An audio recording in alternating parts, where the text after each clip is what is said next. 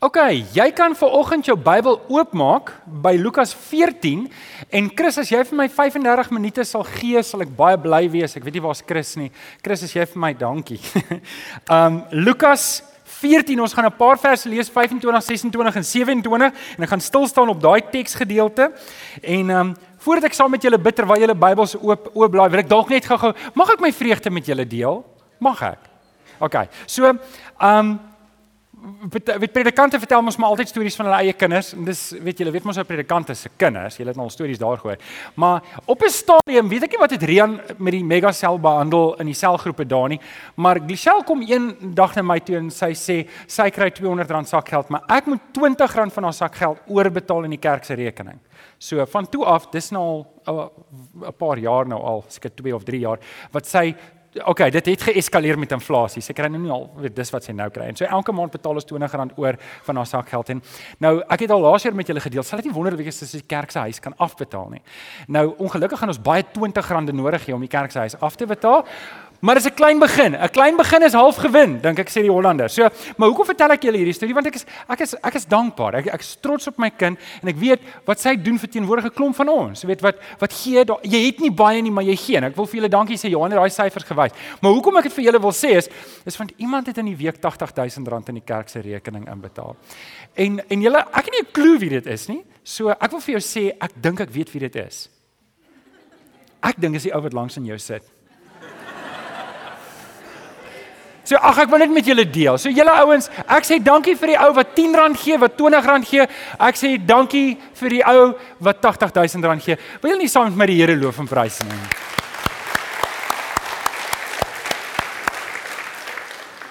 Kom ons sluit die oop. Dan bid ons saam. Vader, ons kom verheerlik U in die wonderlike naam van ons Here Jesus Christus. Ons dankie Here dat ons gered kan wees. En Here, waar ons besig is met hierdie reeks radikaal Here wil ek kom vra dat U deur die Gees in elkeen van ons harte ons sal uitdaag dat ons nie tevrede sal wees met 'n gemiddelde Christendom nie. Dat ons nie tevrede sal wees om maar net nog 'n dag aan te pak en 'n halfgepoetste Christendom te hê nie, maar Here dat ons regtig deur die woord en deur die Gees uitgedaag sal wees om werklik radikaal vir U te lewe. Ons kom dankie, ons kom dankie dat U in ons harte werk. Dankie vir die woord, dankie dat die woord lewendig is in ons harte. Dankie vir die Gees wat ons lei in die waarheid. Dankie Here vir die versoeningswerk van die Here Jesus op die kruis. Ons bring die lof en die eer aan U en die kinders van die Here sê Amen. Amen. John Maxwell het iets gesê soos hy wat nie staan vir iets nie sal val vir enigiets. Het jy dit al gehoor? He doesn't stand for anything will fall for, everything of iets soos dit. Jy leer dit.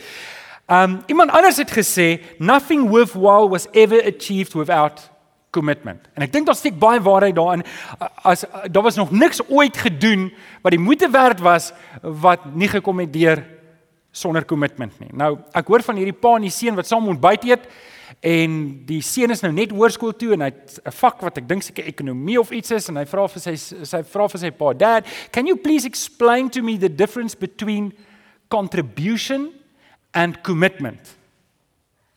En die pa het so oomblik gedink en hy het gekyk vir sy seun, hy het gekyk en sê, "Son, what's on your plate?" En die, en die seun sê, "Well, bacon and eggs." En hy sê, "Well, the chicken made a contribution to your breakfast, but the pig made a commitment." Ek het ook gedink dis baie oulik en ek het ek het nogal daan daan gehak om te dink, julle, dis wat radikaal beteken. Dis radikaal. Ek maak nie net 'n bydrae nie, ek is committed. Al al kos dit my iets, al vat dit iets van my. Ek gee maar nie net iets van my oorvloed wat ek het nie. Ek gee dit wat ek het. Ek gee myself. Ek gee alles. Nou uh, ek dink 'n paar van julle wat hier sit, het hulle oorgawe gemaak aan die Here. En dalk het jy nie 'n radikale bekering gehad nie, vriende. Ek sê vir die Here dankie, want as die Here my nie gered het nie, was ek diep in die moeilikheid. Wie van julle kan dit sê? Wie van julle sit hier en sê, as die Here my nie gered het nie, was ek diep in die moeilikheid. Ek praat nie net van hierna nie, ek praat van hierdie lewe. My lewe was op pad om regtig op rotse af te loop. Nou, ek weet jy sit 'n klomp van julle wat eintlik het jy groot geword, jou ma en pa was mooi kinders van die Here en het jou vroeg geleer van die Here en jy het vroeg die Here Jesus aangeneem. So jy het nou nie regtig kans gehad om regtig stout te wees nie. En en weet jy, moenie dink jy het iets gemis nie. Jy het niks gemis nie, hoor? Wie van julle het al by die hoofpak gekry? Ek wil net kyk. Onthou julle dit? Sies vir julle. Wie van julle onthou, dan moet jy jou eie rottankies. Dis cruel. Nou moet jy jou eie rottang, weet jy nie, moet jy die dikke vat of die dunne. Maar ek kan vir julle nou sê hulle slaan ewe seer. Dit gaan oor die een wie se hand dit is. Moenie hom nie kwaad maak nie. Maar hier sit hier sit 'n klomp van julle wat wat nie so radikale bekering gehad het nie. Jy het tot die Here gekom en, en jy's werklik 'n kind van die Here. En dit beteken nie jou Christendom is enigstens minder werd as myne wat radikaal tot bekering gekom het nie, glad nie. Maar jy lewe 'n radikale lewe. Jy hoef nie radikaal tot bekering gekom het om 'n radikale lewe vir die Here te lewe nie. En, en hoe lewe ek 'n radikale lewe vir die Here? Dis om deur om alles te gee. Ek is lief vir die gedagte van pens en potjies. Ek behoort pens en potjies aan die Here. Wie sit vanoggend hier en sê ek behoort pens en potjies aan die Here? Amen. Amen. OK, maar jy sit ook 'n paar van van ons wat hier sit ver oggend en dalk is dit jy wat jy maak 'n bydrae maar jy's nie toegewy nie. Jy's die hoender. Jy maak 'n bydrae. Jy jy hou van die Christelike ding. Jy hou van die dinge wat hier gebeur. Jy's lekker om saam te sing. Maar jy weet jy het nog nie 'n volle oorgawe gemaak nie. Jy's die hoender, nie die varkie nie. En nou vir oggend se boodskap is om jou uit te daag om 'n varkie te wees en nie 'n hoender nie. OK, as jy is jy in met dit. OK, nou het ek die preek vir julle weggegee. Dis 'n spoiler alert. Um wie van julle ken die storie? Wie van julle ken die storie van Hernan Cortez? Ken julle die storie van Hernan Cortez? Pragtige storie. Ek dink nie hy was 'n gelowige nie. Ons weet niks daarvan nie, maar ek wil julle die storie vertel. So Hernan Cortez se storie loop dat hy en 500 soldate, 100 matrose, 16 perde en ek weet nie wie het op die perde gery nie en 10 skepe het in 1519 na 'n plekkie met die naam Veracruz, dis in Mexiko, gegaan. Hulle wou dit binneval, hulle wou die skatte kry wat in in in die Artes ryk was en hulle wou dit huis toe vat. Vir 600 jaar kon niemand die Artes ryk binneval om hierdie skatte huis toe te vat nie. En op die skepe op pad soontoe die mense begin mord tussen mekaar om te sê vir 600 jaar kon niemand dit oorwin nie. Wie vir wie verbeel hulle self? Wie wie, wie dink ons is ons om te dink ons gaan kan doen wat niemand vir 600 jaar gedoen het nie? En Cortez het gehoor hierdie manne begin ernstig twyfel. So wat hy toe doen is, hy hy meer toe is dit hulle meer toe by Veracruz en hulle kom daar en hulle laat almal op die stand staan en hy gaan nou sy toespraak gee. Hulle motiveringssprekers, soos ons is nou almal hier en dan gaan julle nou opsaak. Mense dink nou hy gaan vir hulle sê, hoor julle gaan skatryk terugkom en julle gaan baie belange hê. Almal gaan onthou julle is die mense wat gewen het. Sy toespraak is toe iets soos drie woorde. Wil julle raai wat het hy gesê? Burn the ships. Nou kan julle nou dink, jy was daar op die strand en jy wag vir die charismatiese toespraak en die ou sê brand die skepe. Is, is jy mal? Weet ons wil kan weghardloop op die skepe klim en wegvaar. Sê nee nee nee, ons gaan met hulle skepe huis toe. sien? Wat Cortez geweet het as die skepe gebrand is, dan kan die mense nie teruggaan nie. It's do or die. En ek dink ek en jy moet so 'n oomblik in ons verhouding met die Here hê wat ek sê ek brand die skepe. Ek brand my agterdeur af. Mors af, daar's niks oor nie. Ek kan nie teruggaan na my ou lewe toe nie. Ek kan nie teruggaan na die wêreld toe nie. Dis verby, dis klaar. Ek stap nou die pad met die Here. Amen. Amen. So ek ek hoop dat die Here vir ons kan help dat ons in ons eie lewe ook die skepe kan brand. In Hosea, in Hosea 6 vers 4 lees ons hierdie verse: My volk gaan onder omdat hulle nie aan my toegewy is nie because dink ek sê die Engels lack of commitment. Omdat hulle omdat hulle agterdeure in hulle lewens het. Omdat hulle en weet julle wat dit is regtig wat gebeur in ons lewens. As ek die hele tyd 'n agterdeur in my lewe oophou gaan ek nie voluit gaan vir die Here nie. Ek gaan altyd die hoender bly en nooit die varkie wees nie. Ek gaan nooit myself uitverkoop vir die Here nie. So om 'n radikale lewe te leef beteken om radikaal toegewy te wees so om die skepe te brand in my lewe. Om te sê ek gaan nie terug na my ou lewe nie. Daai agterdeur is toe Met dit in gedagte. Lees saam met my in Lukas 14. Lukas 14 vanaf vers 25.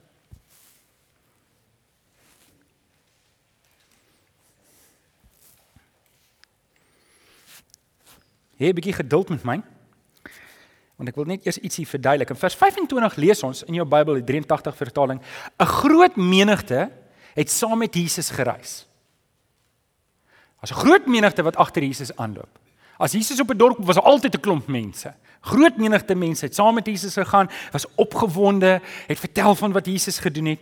En op 'n stadium lees ons hy draai toe om en sê vir hulle as iemand na my toe kom, kan hy nie my disipel wees tensy hy afstand doen van sy eie vader en moeder en vrou en kinders en broers en susters, ja selfs van sy eie lewe nie. Ek gaan hom nou die 53 uit lees, net dat julle hoor wat sê die ou vertaling wat dit vir my mooier sê. Vers 27 sê: Iemand wat nie sy eie kruis dra en agter my aankom nie, kan nie my disipel wees nie. Dit is radikale toewyding. Nou ek gaan op jou raamwerk sien daar's vier spasies. Ek gaan vanoggend met jou deel die vier dinge wat in my lewe gaan gebeur. Twee is wat ek gaan doen en twee is wat met my gebeur. Die eerste twee is wat ek moet doen en dan die twee is wat met my gaan gebeur. So die eerste ding wat ons moet doen om radikale om op as ek radikaal toegewy aan die Here wil lewe, moet ek nommer 1 ek maak Jesus Christus nommer 1 in my lewe.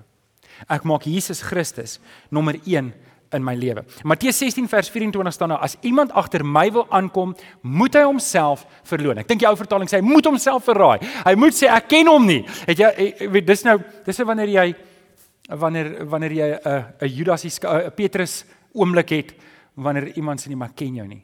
Ek ken jou nie. Ek moet na myself kyk en sê ek ken nie daai persoon nie. Ek ken hom nie. Lukas 14 vers 26 in die ou vertaling. Ek wil hê jy moet gou-gou, jy moet gou-gou julle pen en neus het. Hoor gou-gou wat sê Lukas 14 vers 26 in die ou vertaling. As iemand na my toe kom, hoor nou mooi. En hy haat nie sy vader en moeder en sy vrou en kinders en broers en susters, ja selfs ook sy eie lewe nie, kan hy nie my disipel wees nie. Nou ek wil net hê jy moet vas aan daai woord haat vir 'n oomblik want ek gaan hom eers nou-nou verduidelik. Wat is dit wat Jesus sê? Onduidelik nou gesê die menigte het agter Jesus aangekom en Jesus draai om en hy sê vir hulle want die Grieks daar is haat. Hy sê vir hulle wag wag wag wag. As jy nie as jy nie jou ma en jou pa en jou broer en jou suster en jou vrou en jou kinders, as jy hulle nie haat nie en selfs jou eie lewe haat nie, dan dan kan jy nie my disipel wees. Jy kan agter my aankom, jy kan agter my aanloop, maar jy kan nie my disipel wees nie. Dink julle dis 'n radikale boodskap? Ek dink ook is 'n redelike radikale boodskap. sien wat Jesus eintlik vir hulle sê is Dis maklik om die hoender te wees. Dis maklik om saam met die menigtes te stap en te sê, "Ja, ons hou van hierdie boodskap. Ja, dis goeie goed wat ons hoor. Die dominee het mooi gepreek vandag." Maar dis moeilik om die varkie te wees en om die bacon op die tafel te sit. Dis moeilik om committed te wees. En en en in 'n land van 79,8% sê hulle is Christene. Kan ek kan ek met jou saamstem dat as 79,8% van Suid-Afrika sê hulle is Christene, dan is die land nie veronderstel om te lyk soos wat dit lyk nie. Stem julle saam? Tensy dit 'n klomp hoenders is en ek bedoel dit in die storie nou. Asseblief moenie nie aanhaal in die koerant. Daai mense sê ons land is 'n klomp hoender mense nie. Gaan. So in Lukas 14 lees ons die massas loop agter Jesus aan. Dink julle op daai stadium is hulle Jesus ondersteuners? Ja, hulle hou van Jesus, want Jesus maak brood meer. Kom aan, wie van julle hou van varsgebakte brood? Ons het nou die appels uitgedeel. Kan ek sê ek gaan lojaliteit wen by julle as ek dink net elke oggend as jy kom kry 'n varsgebakte ban met jam en konfyt, ag konfyt en jam. Botter en jam op. Dit sal lekker wees. Nou praat ons weer oor kos. Kenneth klaar sê ek moenie so praat oor kos nie want hy het nog 'n tweede diens wat hy moet uithou. Wat het daai selfde massas later aan gesê? Kruisig hom. Kruisig hom. Kruisig hom. sien vriende, wanneer ek nie 100% toegewy lewe aan die Here Jesus nie, kan ek net so omdraai. Ek kan net so omdraai. En jy sien mense omdraai. Jy sien mense, hulle hulle gaan hierdie kant toe en hierdie kant toe. Want sien wanneer ek 'n bydra lewer, wanneer ek net 'n bydra lewer en ek leef nie radikaal vir die Here nie, dan is ek 'n in die Engels noem dit 'n consumer. Jy weet, ek dra by so die evangelie skuld my iets. Ek dra by by die Here Jesus so, weet, is die Here nou nie bly dat ek aan sy kant is nie? En dis dieselfde mense wat hom gekruisig het later aan. En Jesus sê vir hulle: "Nee, nee, daar moet iets anders wees. Dit moet radikaal wees." Nou, Jesus skok hulle en ek dink as as ons nou 'n bietjie moet in fokus op die woord haat, dan gaan ons mekaar ook skop. En en en en half en half kan ons nie op die woord haat ingaan nie, want Jesus sê self, jy moet jou naaste lief hê soos jouself. So wat bedoel Jesus as hy sê haat? Nou, in die Grieks is daar 'n term wat ons noem hiperbool. Jy jy oordryf 'n ding om 'n ander punt te maak. Jy oordryf 'n ding, jy sê jy moet jou broers haat. Wil die Here ek moet my broers haat? Nee, die Here wil nie hê jy moet enigiemand haat nie. OK? Want hoe kan sê Johannes, hoe kan jy sê is liewe God met jou haat die mense wat jy kan sien? Ons mag nie haat nie. Maar hoekom sê Jesus dit dan? Want Jesus sê vir ons, as daar enige iets is in ons lewe wat naby kom aan ons kommitment aan Christus, soos nie werk nie. As as Jesus nie so ver nommer 1 in my lewe is, dat die res van die goed so ver agter is, dat dit eintlik lyk of daai goed nie vir my belangrik is nie. Dit amper lyk of ek dit haat in vergelyking met my liefde vir die Here Jesus, dan dan kan ek nie sy disipel wees nie. Die Here Jesus vra nie baie nie, hy vra hy vra alles. Hy eis commitment. Hy wil hy wil die nommer 1 wees in my lewe. OK. So dis die eerste ene. Ek moet die Here Jesus nommer 1 maak in my lewe. Dis wat radikale toewyding. En vriende, dit beteken my rykdomme mag nie nou my nommer 1 wees nie. My my My werk mag nie my nommer 1 wees nie. Niks anders mag my reputasie mag nie my nommer 1 wees nie. Daar mag niks anders nommer 1 wees in my lewe as die Here Jesus nie. Amen. Amen. Okay, die tweede ding, wat moet gebeur? Ek moet my kruis opneem en Jesus volg. So wat doen wat gebeur? Nommer 2, ek neem my kruis op en volg hom. Ek moet Jesus volg. Matteus 10 vers 28 sê hy wat nie sy kruis opneem en my volg nie, is nie werd om aan my te behoort nie. En baie mense verstaan hierdie vers eintlik heeltemal verkeerd. Jy weet iemand raak siek en dan sê maar dis maar my kruis wat ek moet dra. Of iemand sê maar ek is ek is in 'n stikkende huis gebore, dis maar my kruis wat ek moet dra. En vriende, ja, dit is seker 'n kruis wat ons moet dra, maar dit is nie waarvan daai vers praat nie. Daai vers sê nie jy moet maar nou maar verlief neem met jou omstandighede nie. Hierdie vers sê ek moet my kruis opneem beteken ek moet in Jesus se voetspore volg. Soos wat die Here Jesus afgekom het aarde toe as 'n mens gebore en blootgestel was aan al hierdie elemente wat hom op die einde van die dag op die kruis laat hang het, moet ek ook my eie lewe, ek moet myself soos wat Christus hom gestroop het van sy goddelikheid en as 'n nederige babietjie gebore was om vir ons sondes te kom sterf op die kruis, net so moet ek myself stroop van myself en sê daar's niks van my oor nie. Nou, ons het dit al baie vir mekaar gesê. 'n Kruis is 'n baie romantiese ding. Weet wie van julle het kruisies in julle ore op hierdie stadium? Ons het dit al gedoen. Ek net kyk. Is daar iemand met kruisies? Hoekie is enetjie hier voor. Is daar nog iemand? Ah. OK, tannie ek is bly tannie het kruisies. O om die nek. OK. En weet jy sien dit baie mense het kruisies oral waar hulle gaan en dis mooi. Ek het ook 'n paar kruise. Ek is mal oor kruise want dit herinner my aan die Here Jesus. Maar vriende, in daai tyd was kruise glad nie romanties nie. Verbeel julle self en ek het dit al gesê, maar verbeel julle self hier kom 'n hier kom 'n vrou in met 'n tou maar nek, 'n gaag. Wie van julle sou bekommerd gewees het? Sê Dominee, jy moet met daai vrou gaan praat. Hier's groot moeilikheid.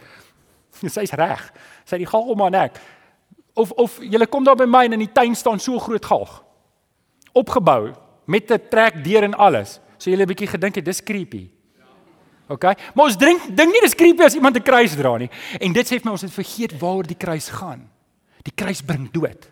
Die kruis bring dood. As jy eers daai kruis opgeneem het, kan jy nie sê, "Ooh, ek is jammer.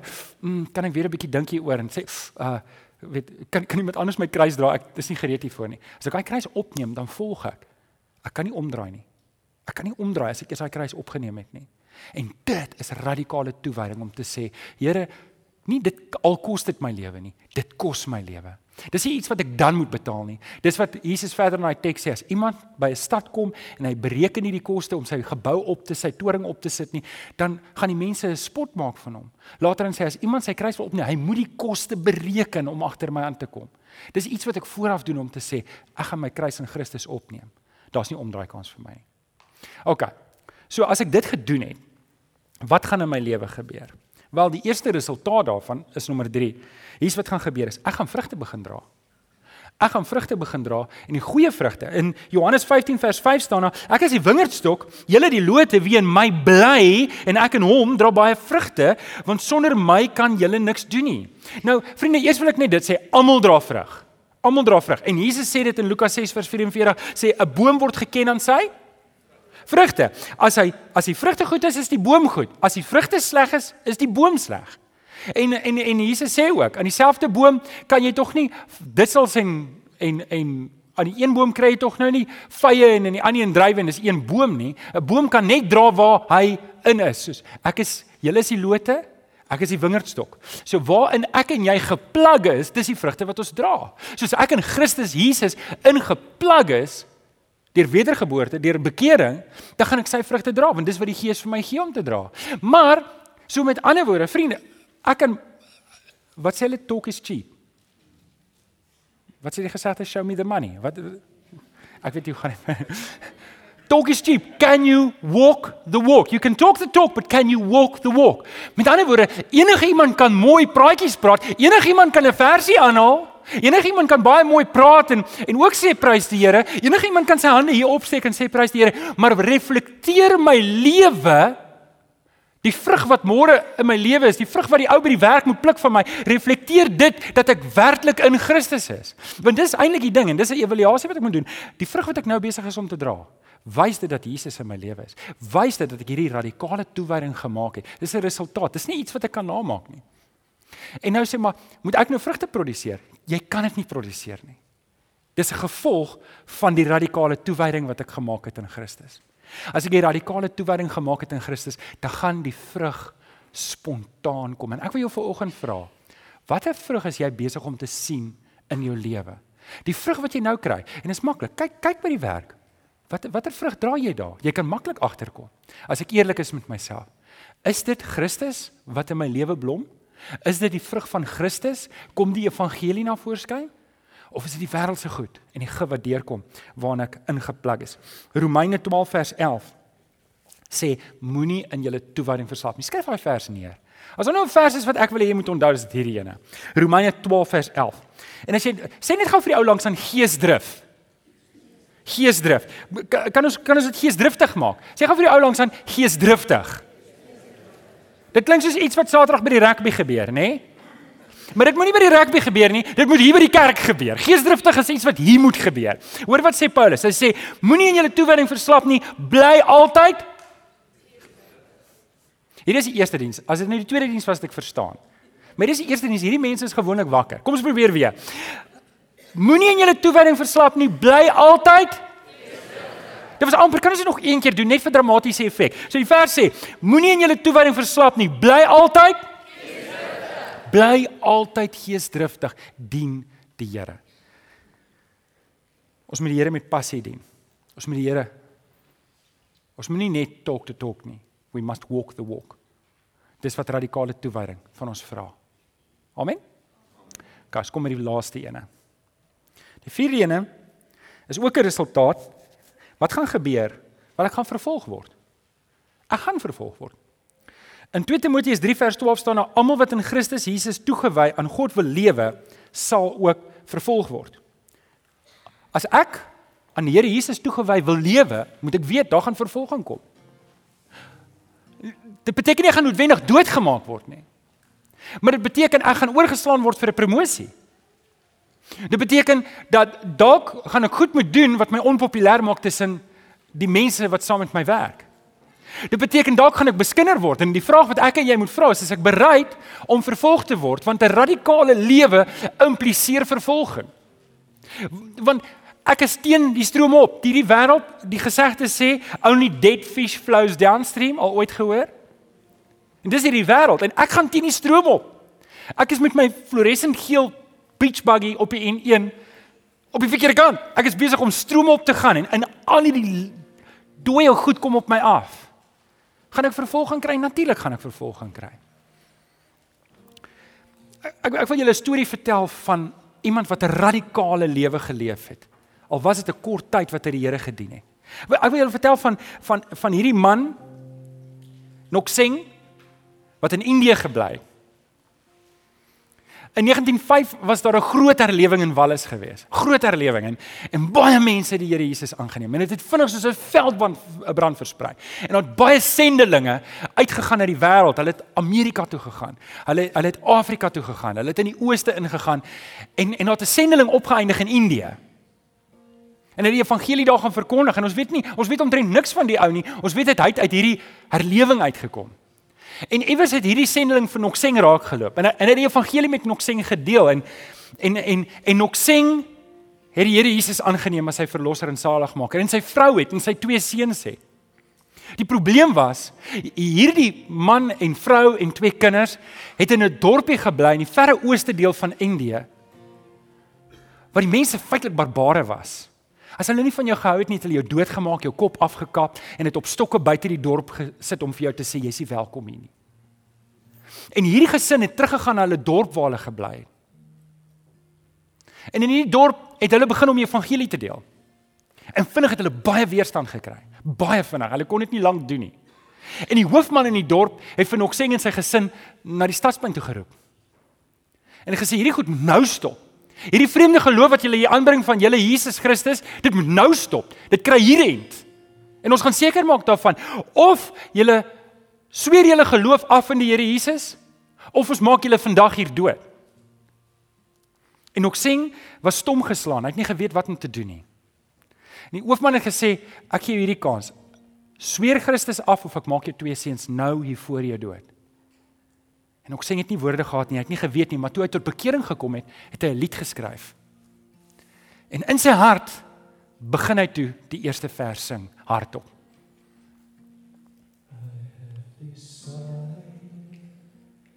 follow Jesus. I have decided to follow Jesus. I have decided to follow Jesus. No turning back. No turning back. Die hoofman was woedend. Hy was woedend. En hy het opdrag gegee dat die twee seuns daar reg voor Nokseng doodgemaak word. En terwyl die twee seuns daar voor hom dood lê, konfronteer hy vir Nokseng en hy sê jy het 'n tweede kans. Jy het 'n tweede kans. As jy nie Christus afsweer nie, dan gaan ek jou vrou nou ook hier doodmaak reg voor jou. En ek kan dink Nokseng het sy oë toegemaak en het die tweede vers gesing.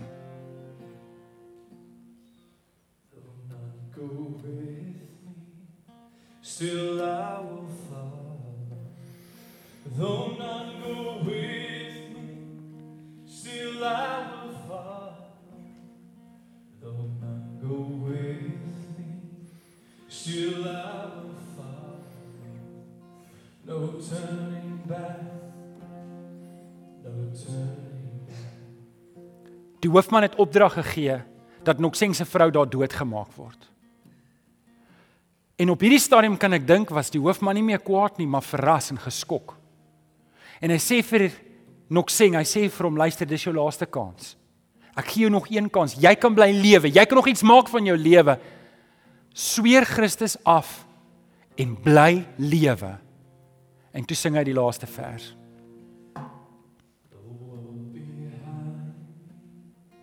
The cross before me. The world behind me, the cross before me. The world behind me, the cross before me. No turning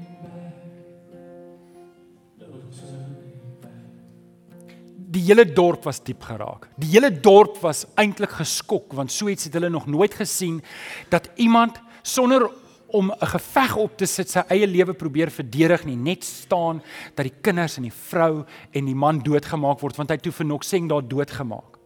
En daarna is almal huis toe. En mense sou dink maar dis 'n sinlose gebeure.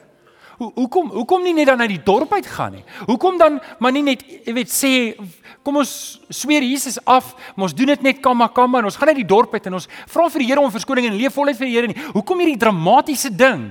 Sinlose geweld, sinloos dat hierdie mense dood is. Het maande het verbygegaan wat niemand weer oor gepraat het regtig nie.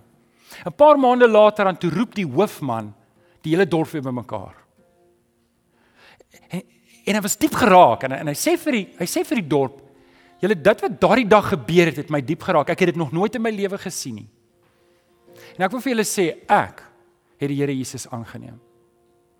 Ek het die Here Jesus aangeneem en almal wat daar was, wat daar was toe Nokseng doodgemaak is, het ook die Here Jesus aangeneem. En daar was 'n klein herlewing in daai dorp en dit het, het uitgesprei na die dorpe en die omgewings en die distrik daarso waar die evangelie uitgegaan het, want dit kan nie geïgnoreer word nie. En julle dit het my bemoedig. Dit het my bemoedig om te sê, julle dis radikaal. Dis radikaal. Julle ek en jy kan nie die saad sien wat gesaai word deur om radikaal te lewe nie, maar ek en jy kan 'n keuse maak om te sê ek gaan nie stil bly nie. Ek gaan nie terugstaan nie, nie vir die wêreld nie, nie vir enige iemand nie. Ek wil voluit lewe vir die Here. Vriende, hier is 'n hier- hierdie reeks is 'n is 'n aandring om te sê ek is klaar met 'n meek and mild Christendom. Ek is klaar met 'n 'n flou makou Christendom. Ek is klaar met hierdie wishy-washy Christendom. Ek wil voluit leef vir die Here. En vriende, ek weet nie of jy in is op dit nie. En ek wil hê julle moet nou saam met my hierdie lied sing van I have decided to follow Jesus. En om en saam met my sing en sê, hoorie, ek ek ek gaan nie skepe afbrand in my lewe. Ek gaan nie agterdeur toemaak. Ek gaan nie varkie wees. Ek gaan nie die hoender wees nie. En ek wil jou vanoggend vra, as jy as jy so 'n kommitment wil maak aan die Here, staan saam met my op en sing hierdie lied en sê ek gaan ook die Here dien. Daar gaan nie agterdeure wees in my lewe nie. Daar gaan nie daar gaan nie skepe wees waarop ek kan huis toe gaan nie. Ek gaan voluit vir die Here. Wie's in? Wie's vanoggend saam met my in? Staan saam met my op. Staan saam met my op. Ek ek, ek wil net bid Kenny voordat ons hom sing. Vader, U sien ons harte. Here, U weet ons kan nie hierdie toewyding maak as U ons nie daartoe dryf nie. En vanoggend kom bid ek, Here.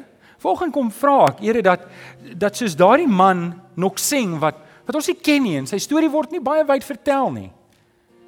Here wil ons ook staan en sê maar Here, dit wat U in my lewe gedoen het, maak dit ek kan nie terugkeer nie. Ek wil voluit vir U lewe. Kom raak ons aan, Here. Ons bid dit in Jesus naam en die kinders van die Here sê Amen. Kom ons sing saam. Dankie Kenny.